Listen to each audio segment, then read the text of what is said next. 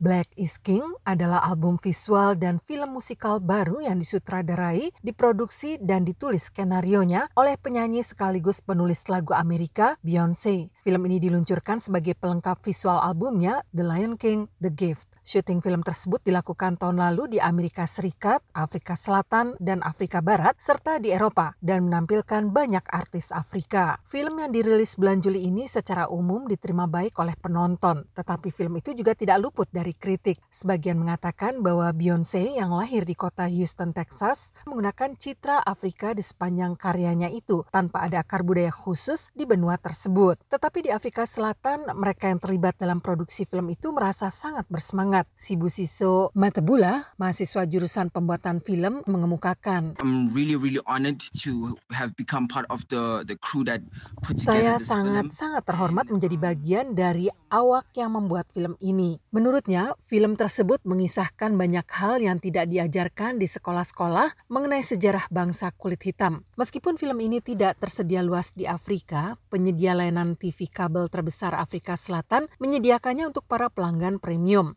Penggemar Beyonce, Kigosi Motsoane mengatakan diaspora Afrika termasuk warga kulit hitam Amerika punya hak untuk mereferensikan apa yang dianggap sebagian orang sebagai budaya Afrika. Salah seorang pendiri Bear Stories ini, yakni proyek menyampaikan kisah-kisah kaum LGBTQ mengatakan ia sangat menyukai film tersebut. Motsuana juga menyatakan ia merasa ada hal-hal yang sebetulnya dapat diperbaiki dalam film itu. Misalnya, memperbanyak kehadiran kaumnya di depan kamera. Penggambaran Beyonce mengenai budaya dan kekuatan warga kulit hitam muncul sewaktu Senator Kamala Harris menjadi perempuan kulit hitam Amerika pertama yang dipilih sebagai kandidat calon wakil presiden dalam pemilihan presiden Amerika mendatang. black women have always been on the lowest sort of like Motsuane dari Bear Stories menjelaskan perempuan kulit hitam selalu berada di strata terbawah dalam hierarki sosial. Memiliki mereka menduduki posisi yang benar-benar penting dan sangat berpengaruh, sungguh membesarkan hati lanjutnya.